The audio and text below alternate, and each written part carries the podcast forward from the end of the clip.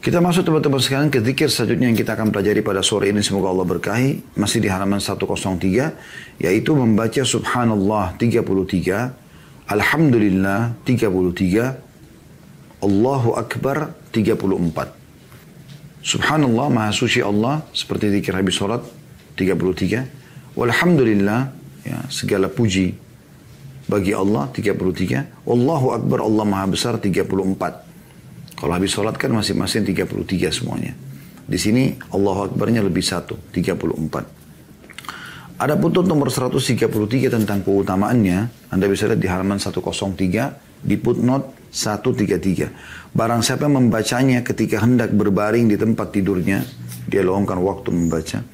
Maka zikir itu lebih baik daripada seorang pembantu. Hadis riwayat oleh Bukhari, jadi 11 halaman 113. Dan Imam Muslim jadi 4 halaman 2083. Dan ini terjadi sebab urutnya hadis. Sebabnya hadis disebutkan itu gara-gara Aisyah, uh, gara-gara Fatimah radhiyallahu anha datang kepada ayahnya Rasulullah SAW dan menceritakan tentang permasalahan yang sedang dia hadapi.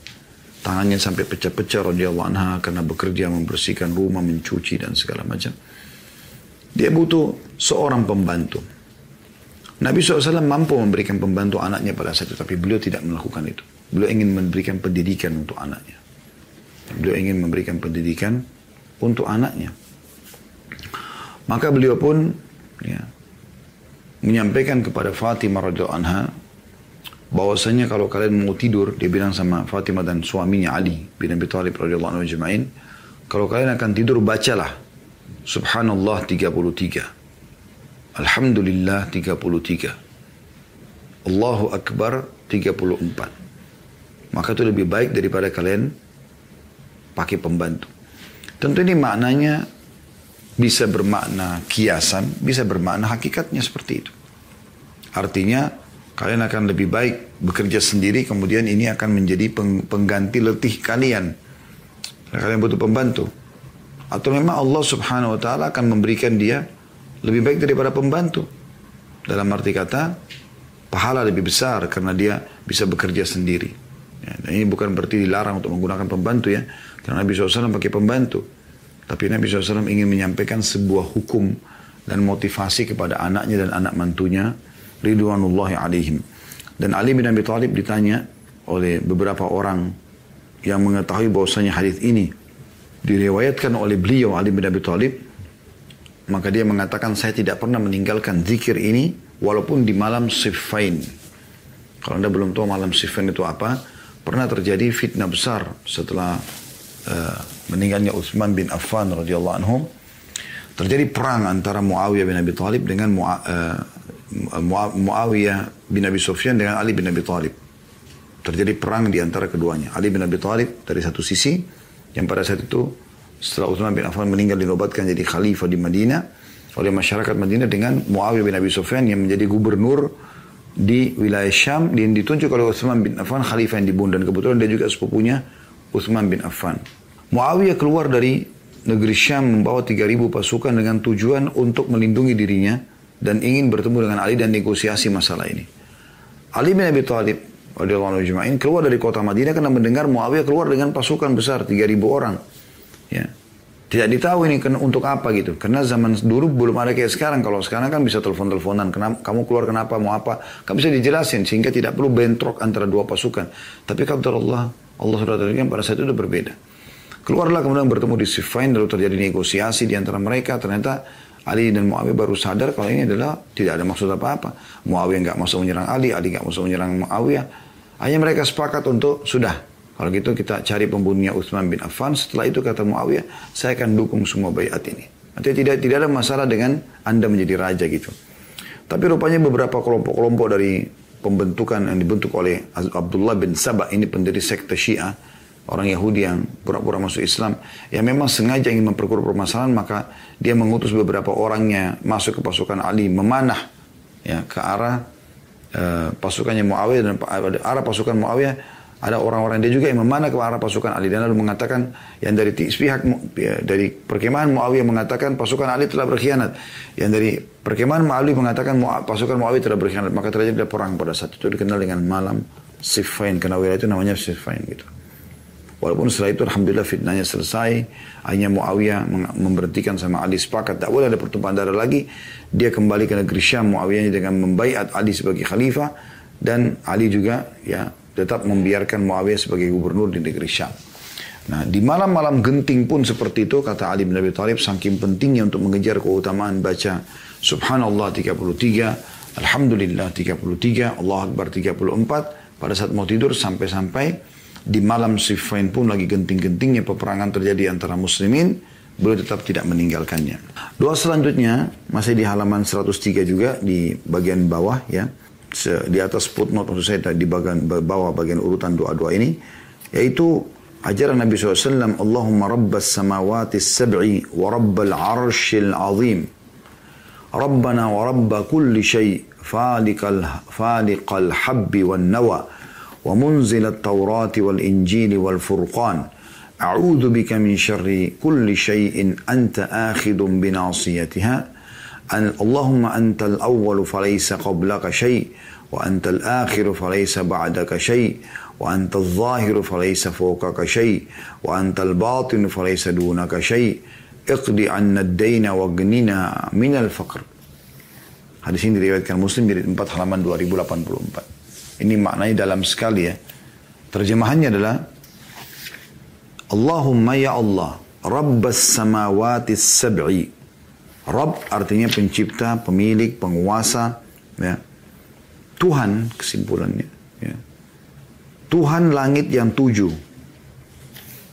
Kemudian warabbal arsh dan Tuhan pemilik singgasana yang agung. Rabbal arshil azim. Ya. Azim itu berarti agung. Rabbana wa rabba kulli syai. Tuhan kami, pencipta kami dan juga pencipta segala sesuatunya. Falikal habbi wan nawa. Tuhan yang telah membelah butir, tumbuh-tumbuhan dan biji tunas. Jadi ini ikrar bahwasanya Allah itu memang betul-betul luar biasa pencipta sesuatu termasuk biji-biji dan benih tumbuh-tumbuhan. Wa munzilat Taurati wal Injili wal Furqan dan yang telah menurunkan kitab suci Taurat, Injil dan Al-Quran atau Al-Furqan. A'udhu bika min syari kulli syai'in anta akhidun binasiyatiha. Aku berlindung kepadamu dari kejahatan segala sesuatu yang engkau pegang ubun-ubunnya. Allahumma antal awwalu falaysa qablaka syai' Ya Allah, engkau lah yang pertama dan tidak ada yang mendahuluimu. Ya. Tidak ada yang sebelummu gitu ya. Wa antal akhiru falaysa ba'daka syai' Dan engkau adalah zat yang maha akhir maka tidak ada sesuatu pun setelahmu.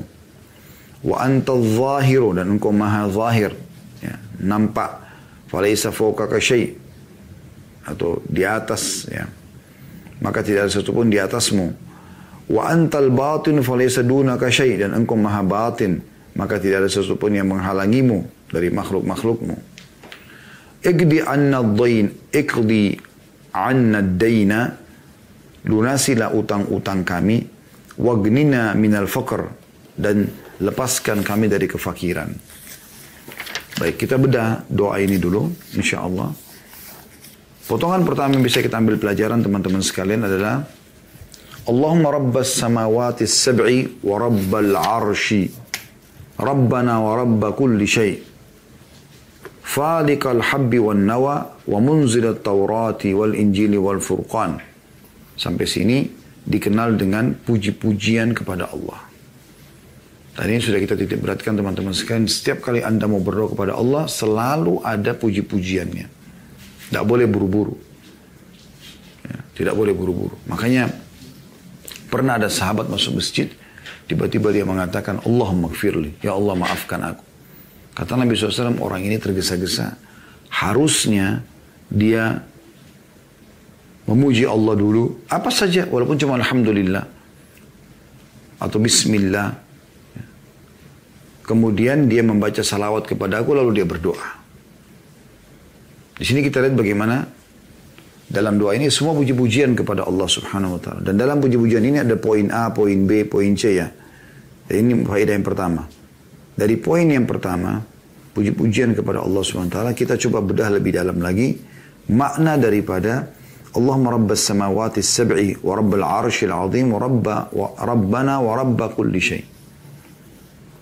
Ini poin A-nya dari faedah yang pertama. Yaitu bagaimana kita mengikrarkan dan mengakui kalau Allah subhanahu wa ta'ala Tuhan segala sesuatunya. Seluruh langit yang luas ini bahkan berlapis-lapis ke atasnya. Ya. Kemudian juga pemilik singgasana yang agung. Makhluk Allah yang paling besar adalah arsnya, singgasananya. Dan juga dia adalah Tuhan segala sesuatunya. Tidak terkecuali. Nampak atau tidak nampak oleh mata manusia. Allah penciptanya, penguasanya, pemiliknya, penghancurnya, yang menghidupkan dan mematikan. Dan ini pelajaran luar biasa. Bagaimana kita mengikrarkan bahwasanya Tuhan kita Allah sehingga tidak ada sesuatu yang perlu kita takuti. Kalaupun ada sesuatu yang membuat kita takut atau berusaha membuat kita tahu dari para makhluk. Karena dia adalah ciptaan Allah. Gak ada sesuatu yang kita khawatirkan hilang dari kita dari dari apa yang kita sukai kalau Allah memang menjaganya. Dan tidak akan mungkin bisa kita pertahankan kalau Allah sudah mau mengambilnya. Ini ikrar pemahaman dari masalah tauhidnya.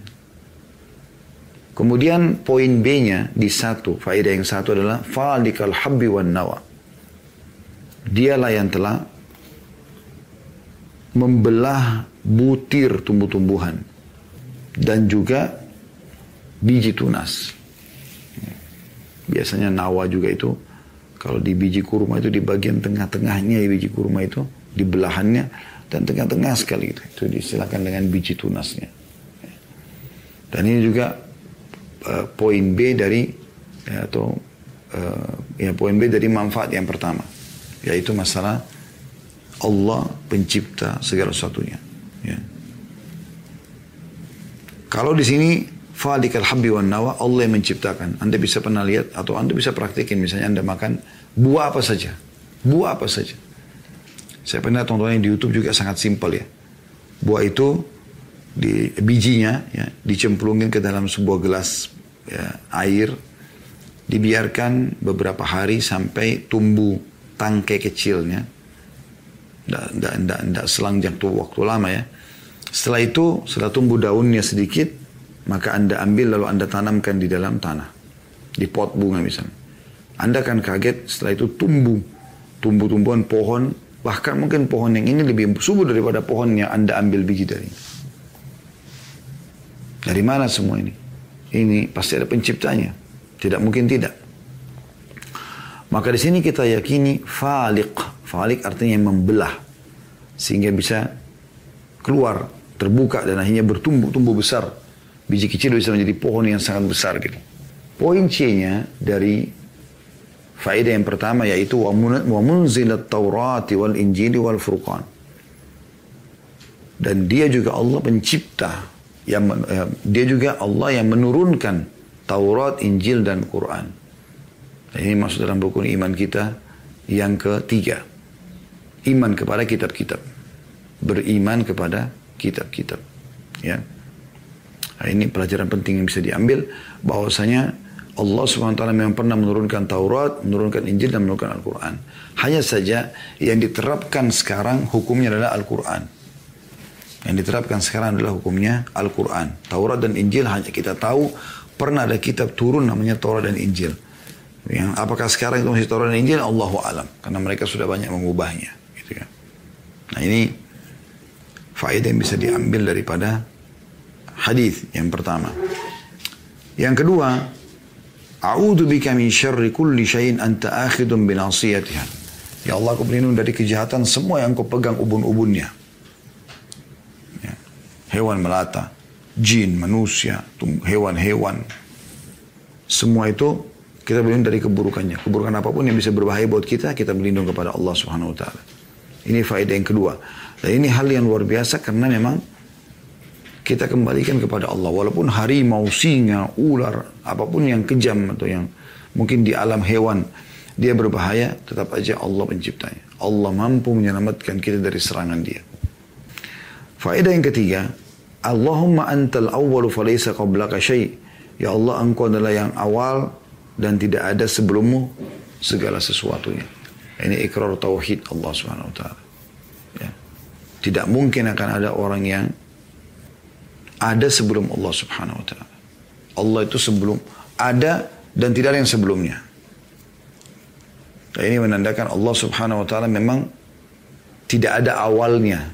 Dialah awal itu. Itu juga setelahnya wa antal akhiru falaysa ba'daka syai dan engkau yang terakhir dan tidak ada sesudahmu. Semua bisa binasa kecuali Allah Subhanahu wa taala. Dan dalam surah Ar-Rahman Allah jelaskan yas'aluhu man fis samawati wal ardi kullu yawmin huwa fi sya'an. Ditanyakan kepada Muhammad tentang kegiatannya. Allah yang di langit dan di bumi ini menanyakan kepada Allah apa kegiatannya. Allah mengatakan katakan dia setiap saat ada kegiatannya. Jadi Allah tidak akan pernah ada akhirnya. Wa anta zahiru falaysa syai. Dan engkau adalah yang zahir yang nampak yang di atas. Maka tidak ada sesuatu di atasmu. Wa wa antal batinu falaysa dunaka syai dan engkau adalah yang batin ya, dan tidak ada sesuatu yang menghalangimu. Artinya Allah subhanahu wa ta'ala menguasai semua jenis alam dan semua jenis istilah-istilah ini. Pelajaran yang terakhir dari hadis adalah potongan akhirnya ikdi anna daina wa gnina anil minal faqr.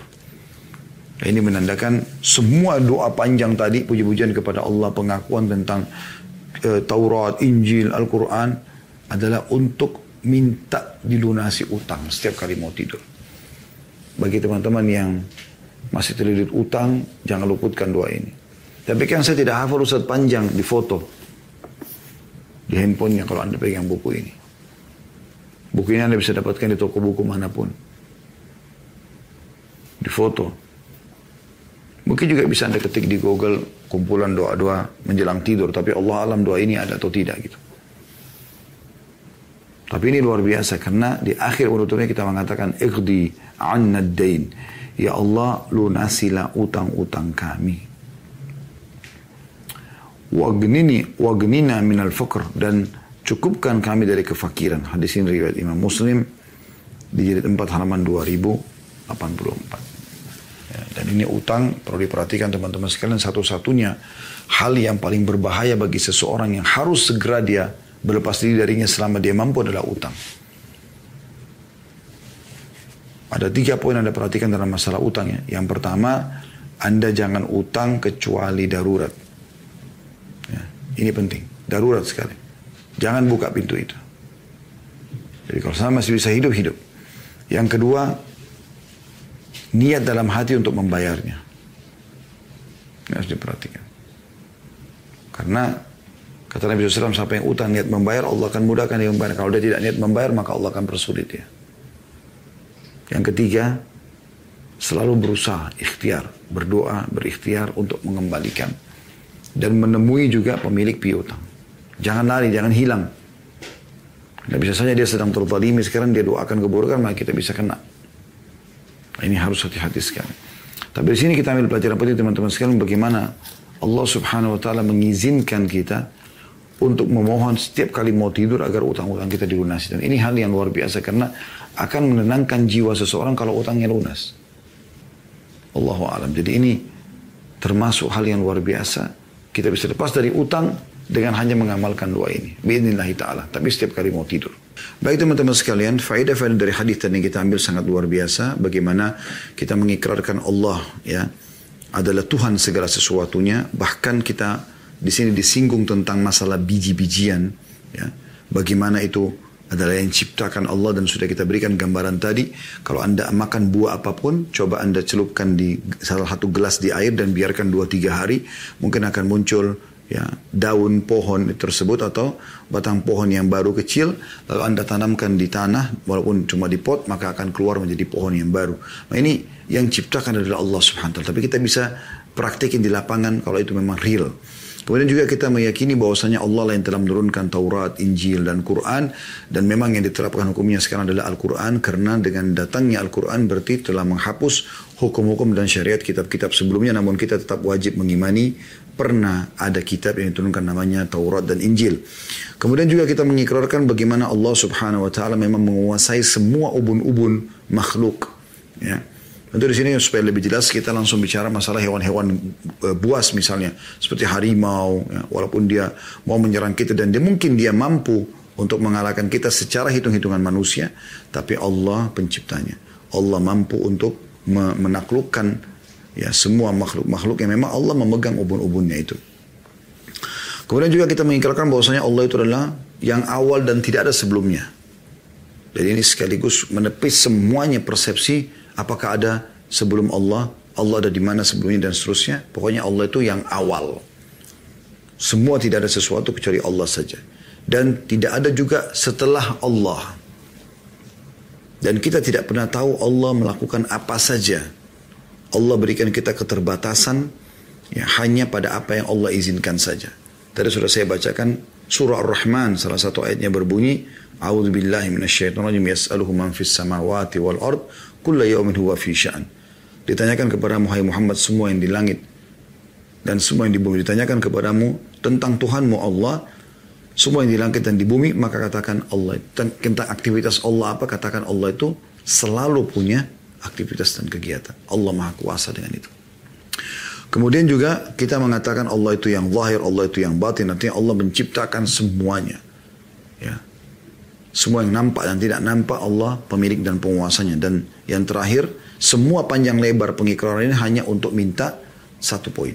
Yaitu minta agar atau maaf minta dua hal. Minta dilunasi utang dan minta dijadikan kaya.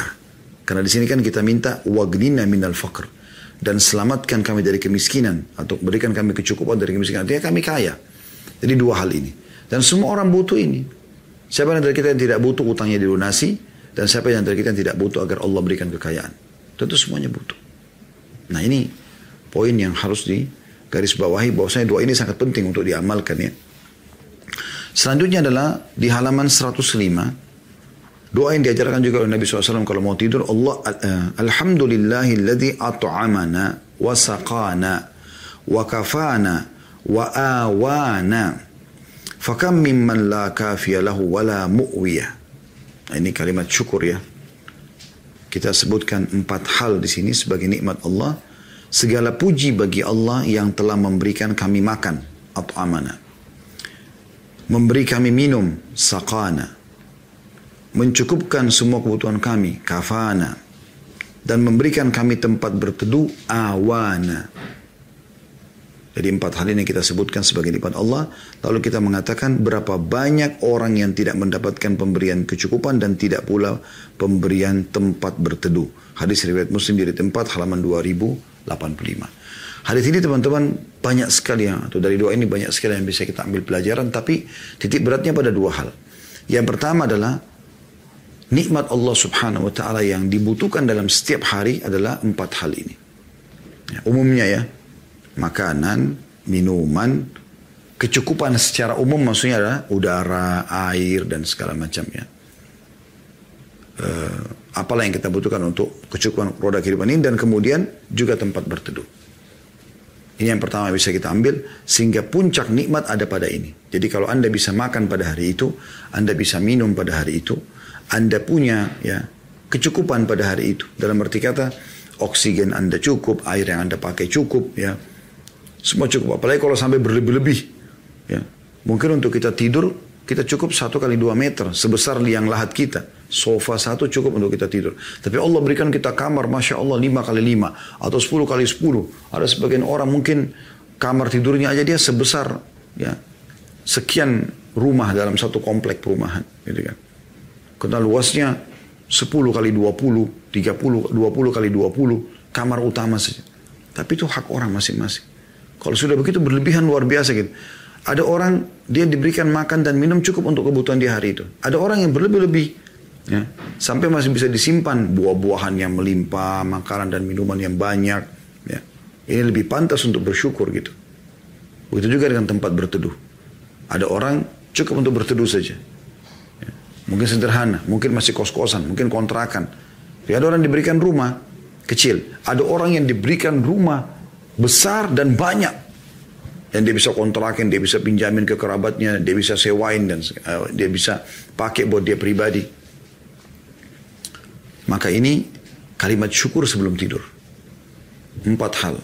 Alhamdulillah ladzi at'amana wa saqana wa kafana wa awana. Fakam mimman la kafiya lahu wa la mu'wi. Segala puji bagi Allah yang telah memberikan kami makan, minum, memenuhi kebutuhan kami secara umum, dan juga memberikan kami tempat tinggal. Berapa banyak orang yang tidak ada ya, tempat mereka atau kecukupan mereka. Selanjutnya doa juga mau tidur masih di halaman sama 105 berlanjut di halaman 106. Allahumma alimal ghaibi wa as-samawati rabba kulli syai'in wa malika ashhadu an la ilaha illa anta a'udzu bika min syarri nafsi wa min syarri syaitani wa syirki wa naktarifa ala nafsi su'an au ajruhu ila muslim yang artinya Ya Allah yang maha mengetahui yang gaib dan nyata. Allahumma alim al ghaibi wa syahada. Fatir samawati wal ard Tuhan pencipta langit dan bumi. Rabba kulli wa malika. Tuhan yang menguasai segala sesuatu dan menjadi rajanya. Ashhadu an la ilaha illa anta. Aku bersaksi bahwasanya tidak ada Tuhan yang berhak disembah kecuali engkau. A'udzu bika min syarri nafsi. Aku berlindung kepadamu dari keburukan diriku. Wa min syarri syaitani wa syirki. Dan dari keburukan syaitan dan kesyirikannya. Wa naktarifa ala nafsi su'an. Dan aku berlindung kepadamu dari berbuat kejelekan terhadap diriku sendiri. Au ajurruhu ila muslim. Atau aku menularkannya kepada seorang muslim. Hadis ini diriwayatkan oleh Abu Daud jilid 4 eh, halaman 317. Dan Syekh Albani sebutkan dalam Sahih At-Tirmidzi jadi tiga halaman 141. Di sini teman-teman sekalian, uh, ini mirip ya, umumnya sama-sama pengikraran tentang masalah tauhid, mengingatkan kita tentang kedudukan Allah Subhanahu wa taala, kedudukan kita sebagai makhluk dan kebutuhan kita kepada Sang Pencipta Allah. Karena di sini awal kalimatnya Allahumma alimal ghaibi wasyahada. Kita panggil wahai zat yang mengetahui yang gaib dan yang nyata.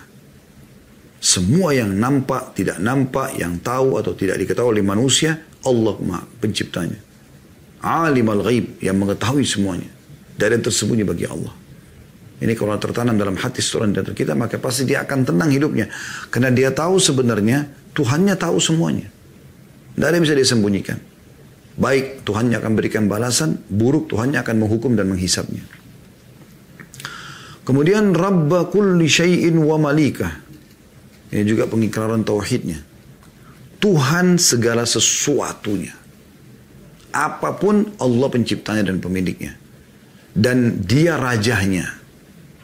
Nah ini eh, perkepotongan ini luar biasa. Wa malika. Nah, di, di hutan ada raja hewan. Misalnya orang biasa bahasakan singa adalah raja. Hutan. Allah rajanya dan pemiliknya. Mungkin di alam hewan-hewan sendiri. Di alam singa ada rajanya sendiri mungkin. Di alam semut mungkin ada rajanya sendiri. Di alam lebah, di alam... Tapi Allah raja semuanya. Di alam manusia banyak raja-raja. Banyak presiden-presiden. Tapi Allah raja yang sebenarnya. Mereka hanya sementara. Berapa banyak raja-raja dari kalangan manusia yang akhirnya mati. Tinggal dikenang kisahnya. Ya. Makanya ada satu kisah uh, disebutkan oleh Imam Qurtubi dalam kitab beliau At-Tadhkirah masalah mengingat masalah kematian dan sampai ke surga dan neraka ya. Sebagiannya sudah ada diangkat di YouTube tentang bahasanya karena buku itu belum selesai kita bedah insya Allah. Semoga Allah mudahkan satu waktu. Tapi di antara kisah dia bilang masalah kematian. Ada orang-orang eh, apa namanya tidak faham bahwasanya apa yang mereka perebutkan dari urusan dunia ini sebenarnya sudah banyak orang sebelum dia yang berebut sama, tapi tidak ada manfaatnya. Lalu beliau menukil sebuah kisah Allahu alam tentang kebenaran tapi beliau sebutkan dalam bukunya saya angkat saja. Beliau mengatakan ada dua orang yang sedang bertengkar di dekat sebuah tanah, memperebutkan sebuah tanah. Lalu dengan izin Allah Subhanahu wa taala ada satu batu, bongkahan batu berbicara di situ. Bagaimana dengan hikmah Allah? Batu itu mengatakan, apa yang kalian sedang perebutkan? Tanah inikah? Ketahuilah, aku ini sebenarnya adalah salah satu dari raja-raja dunia seperti kalian manusia, tapi aku dulu raja di, di masaku. Berjalanlah kekuasaanku sampai aku wafat. Setelah aku wafat, anak-anakku berebut ke kerajaan sehingga hancurlah kerajaan tersebut karena diperebutkan. Dan dengan berjalan waktu, ya, pada habis semuanya musnah, habislah kerajaan itu, maka datanglah generasi yang lain tinggal di wilayah kami, yang kemudian membongkar kuburan-kuburan kami, bangunan-bangunan kami. Dan aku sempat ya, pumpalan tanah yang dijadi kuburan raja ini, dia bilang dijadikan sebagai dinding-dinding rumah orang. Mereka tidak tahu kalau itu ada tulang manusia di situ. Tumpukan-tumpukan tanah. Dan aku sempat dijadikan sebagai tembikar. Ya. Setelah itu, orang yang menggunakanku pun sudah meninggal. Ya. Rumahnya pun hancur, ada yang menjadikan tembikar sudah tidak dipakai lagi untuk sebagai wadah. Ya. Maka akhirnya aku pun dilempar, dibuang di tanah ini. Dan jadilah seperti nasibku. Artinya apa? Apa yang mau diperbutkan soh dunia ini juga akan hilang. Pasti akan hilang. Raja sebenarnya adalah Allah subhanahu wa ta'ala. Dalam sebuah hadis yang sahih dikatakan, nanti kalau sudah terjadi kiamat, sudah musnah semua, maka Allah mengatakan, Anal malik, anal malik, aina mulukud dunia. Akulah raja sebenarnya, akulah raja sebenarnya, mana raja-raja dunia. Jadi pengikraran ini menyadarkan kita bahwasanya raja sebenarnya adalah Allah. Kita sedang berada di kerajaan Allah. Yang lain ini adalah semua cuma sementara manusia saja. Kita patuh pada mereka selama Allah perintahkan kita patuh dan tidak bermaksud kepada Allah. Dan kita tidak mendukung mereka pada saat mereka melanggar sang raja yang sebenarnya. Itu maknanya. Dan ini kita ikrarkan setiap kali mau tidur. Lalu kita bersyahadat lagi. Asyhadu an la ilaha illa anta. Aku bersaksi tidak Tuhan yang berhak disembah kecuali engkau. Artinya tidak lagi tempat aku bergantung, beribadah, takut dan cinta kecuali engkau. A'udhu bika min syari nafsi. Ini faedah yang lain. Ya Allah aku berlindung kepadamu dari keburukan diriku. Mungkin ada bertanya, memang keburukan diri itu apa? Sifat-sifat buruk. ya Penyakit-penyakit hati. Keburukan-keburukan diri. Karena memang jiwa kita ini kan ada kecenderungan pada keburukan. Fa'alhamaha fujurah wa taqwaha.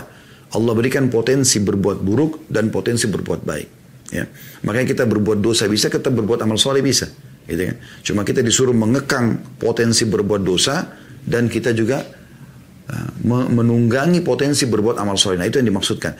Jadi di sini kita minta agar jangan sampai ada potensi buruk dari diriku ini yang aku laku, yang yang yang terjadi gitu ya, yang terrealisasi.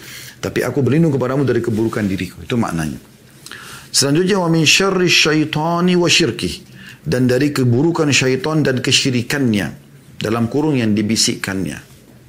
Ini juga mirip dengan zikir pagi petang ya. Kita berlindung juga kepada Allah dari syaitan seperti ini. Dan dosa yang paling besar yang syaitan harapkan bisa terjadi pada anak Adam adalah kesyirikan. Maka di sini kita berlindung dari kesyirikannya. Ya. Karena itu yang selalu ditanamkan, berbuat syirik. Menyekutukan Allah SWT. Ya. Kalau zina, mencuri, dosa besar. Tapi dia belum keluar dari Islam. Tapi kalau sudah syirik, keluar dari Islam. Dia rugi dunia, rugi akhirat. Maka kita berlindung dari syaitan dan seluruh kesyirikan-kesyirikannya. Selanjutnya, wa naktarifa ala nafsi su'an aw ajru ila muslim dan jangan sampai aku jurumuskan diriku pada kesalahan dan jangan sampai juga aku menjurumuskan muslim lain pada kesalahan itu jadi selain kita minta agar dijauhkan dari keburukan diri kita atau potensi buruk kita ikutin juga jangan sampai kita menjurumuskan diri misalnya gini kalau yang pertama kita minta dijauhkan dari keburukan diri apa pun gejolak dalam jiwa untuk berbuat dosa kita minta dilindungi kalau yang ini tidak jadi dia sudah coba selamatkan diri tapi ada penawaran-penawaran setelah itu datang. Jangan Anda mengatakan, saya sudah baca rajim. Kok saya masih mau buat dosa ya? Memang begitu. Ini yang dimaksud dengan potongan doa yang kedua. Jangan sampai aku jurumuskan. Maksudnya, selaku dapat hidayah, aku udah tahu, aku coba istiqomah. Jangan sampai setelah itu ya Allah, aku masuk lagi menjurumuskan diri pada pelanggaran. Karena setelah kita coba istiqomah, jangan pikir Anda, oh sudah saya sudah belajar Al-Quran dan Sunnah, saya sudah coba terapkan ibadah, saya tidak akan terjerumus. Tidak, Anda setiap saat jadi mangsa, ya calon mangsanya syaitan. Setiap saat syaitan akan terus menjerumuskan Anda. Makin Anda takwa kepada Allah, maka makin menjadi target syaitan Anda. Ya. Dan dia tidak mau itu terjadi. Jadi golongan manusia kan ada yang bertakwa kepada Allah, ini target utama syaitan. Supaya mereka jangan bertakwa kepada Allah. Target kedua adalah orang-orang yang di bawah itu. Mereka mencampur baukan antara perbuatan baik sama perbuatan buruk. Maka ini digoda oleh syaitan di beberapa kegiatan ada juga tidak perlu digoda lagi sama syaitan karena dia sudah kerjakan dengan sendirinya gitu kan kelalaian-kelalaian. Golongan ketiga memang sudah temannya syaitan. Mereka mengerjakan tanpa syaitan perintahkan. Bahkan kadang-kadang bekerja sama dengan syaitan untuk menjerumuskan manusia yang lain ke dalam perbuatan dosa. Itu yang dimaksud dalam surah An-Nas minal jinnati wan nas gitu. Jadi ini termasuk jangan jerumuskan diri pada ya, kesalahan setelah dapat hidayah. Sehingga akhirnya kita mencampur baurkan perbuatan buruk sama baik. Dan jangan sampai aku jurumuskan orang muslim. Misalnya begini. Oh enggak, saya enggak mau kerjakan lagi. Tapi mungkin si fulan masih mau kerjakan. Diarahkan ke temannya yang mungkin masih mau riba, masih mau mencuri, masih mau menipu. Kalau saya, saya sudah mau, saya sudah tobat. Nah ini jangan sampai terjadi. Karena ada juga orang seperti itu. Dia selamatkan dirinya, tapi dia berikan isyarat agar ke orang yang lain saja. Gitu kan. Ini tidak perlu. Jangan menjadi petunjuk orang untuk berbuat kesalahan. Karena dengan Anda tunjuk seperti itu, lalu dia pergi ke sana dan terjadi deal, maka Anda juga panen dosanya. Ya. Kemudian tiga zikir yang terakhir yaitu dianjurkan membaca surah As-Sajdah. Ya. Dan surah Al-Mulk. Dua ini. Ada putut nomor 137 diriwayatkan Tirmidzi dan An-Nasai. Anjuran membaca surah As-Sajdah lengkap dan surah Al-Mulk lengkap. Kalau surah As-Sajdah, Anda memang lebih fokus kepada pada saat mau tidur. Kalau surah Al-Mulk lebih kepada seharian supaya bisa menjadi penolong di kuburan. Ya, begitu dijelaskan dalam hadisnya. Ini tentu panjang kalau kita mau bahas, nanti ini tinggal Anda baca saja dan bisa baca terjemahannya pada saat Anda belum hafal, supaya Anda tahu kenapa surah ini disuruh baca gitu. Ya. Yang terakhir zikir kita teman-teman sekalian dan kita tutup dengan ini zikir mau tidur yaitu Allahumma aslamtu nafsi ilaika wa fawwadtu amri ilaika wa wajjahtu wajhi ilaika wa alja'tu dhahri ilaika ragbatan wa rahbatan ilaik la malja'a wa la manja minka illa ilaik amantu bi kitabika alladhi anzalta wa bi nabiyyika alladhi arsalta. Ya Allah aku menyerahkan diriku kepadamu. Allahumma inni aslamtu nafsi ilaik Langsung kita masuk ke maknanya saja. Artinya aku menyerahkan agar engkau yang mengatur diriku. Jangan aku yang mengatur keputusan. Ini mirip dengan doa Nabi SAW. Ya hayu ya qayyum birahmatika astagith. Ini kita, kita pernah pelajari di zikir pagi ya. Pagi-pagi sore. Ya, ya wahai zat yang maha hidup dan terus menerus mengurus makhluknya. Birahmatika astagith. Dengan rahmatmu lah aku meminta pertolongan. Aslih li sya'ni kullah. Ya, Perbaikilah semua keadaanku wala takilni ila nafsi tarfatain dan jangan engkau membiarkan aku mengambil keputusan sekejap mata pun. Ya. Ini sama dengan ini. Aku menyerahkan diri kepadamu. Ini faedah yang pertama. Yang kedua, wa fawattu amri ilaik dan aku menyerahkan urusanku kepadamu. Maksudnya, kalau aku buat salah maafkan, kalau aku buat baik terimalah, ya. Sehingga apa yang aku lakukan selalu di bawah naunganmu. Wajah tu wajhi ilaik dan aku arahkan wajahku menghadapkan wajahku kepadamu. Kita akan dianjurkan balik sisi kanan. Ya. Dan meletakkan telapak tangan di bawah pipi kanan. Dan ini makna wajah tu mengarahkan wajahku kepadamu. Maksudnya aku kalaupun meninggal siap ya. Karena memang aku sudah berharap mengharap menghajab menghadapkan wajahku kepadamu. Menyerahkan diriku kepadamu. Selanjutnya wal ja'tu dhahri ilaik dan aku menyandarkan punggungku kepadamu. Ya. Artinya aku lagi tidur ini, kalau ada marah bahaya segala macam menimpa, aku serahkan kepadamu. Ragbatan wa rahbatan ilaik karena mengharap mendapatkan rahmatmu dan takut akan siksamu. Semua ini aku ucapkan, semua ini aku serahkan karena aku berharap kasih sayangmu dan aku takut akan siksamu. Jangan sampai memang aku ini salah sehingga dengan doa-doa ini aku bisa selamat dari kesalahan-kesalahan yang aku lakukan gitu. La malja'a wa la manja minka illa ilai. Ya. Karena tidak ada tempat berlindung dan tidak juga tempat menyelamatkan diri darimu kecuali kepadamu. Artinya kalau aku tidak baca pun doa-doa ini, aku tidak minta rahmatmu, aku tidak selamatkan diriku dari siksamu. Lalu kepada siapa aku akan minta? Ini Allah sengaja ajarkan kepada kita agar mengucapkan ini. Ini berarti menyadarkan kita teman-teman memang tidak ada tempat kembali kecuali kepada Allah. Kemudian ditutup dengan amantu bi kitabika alladhi anzalt aku beriman kepada kitabmu yang telah engkau turunkan wa bi nabiyyika alladhi arsalt dan dengan nabimu yang telah engkau utus. Maksudnya Nabi Muhammad sallallahu alaihi wasallam. Jadi aku beriman kepada Al-Qur'an yang telah engkau turunkan semua isinya tanpa keraguan dan aku hidup di atas Al-Quran itu dan juga aku mengikuti dan mencontohi utusanmu Nabi Muhammad Sallallahu Alaihi Wasallam. Nah, ini semua dibaca pada saat mau tidur. Dan kami sarankan kalau anda belum menghafalnya dua-dua ini, maka bisa dipegangi buku ini dan diletakkan di sebelah ranjang anda sehingga anda rutin membacanya, ya, atau anda foto dengan handphone Nah, kalau anda tidak punya mengikuti acara ini bisa mungkin teman yang punya anda WA ke dia minta difotoin maka itu bisa insya Allah ya. Nah, anda foto dan anda rutin baca dirutinkan saja semampunya gitu kan. Yang jelas pada saat orang mau tidur yaitu syaitan suka membuat dia ngantuk. Kata Nabi Shallallahu Alaihi Wasallam ini semua amal-amal mudah setelah mengajarkan ya doa-doa tidur lalu beliau mengatakan tapi syaitan akan membuat seseorang pada saat mau tidur itu mengantuk lalu kemudian dia lupa dan lalai daripada zikir-zikir ini. Allahu a'lam.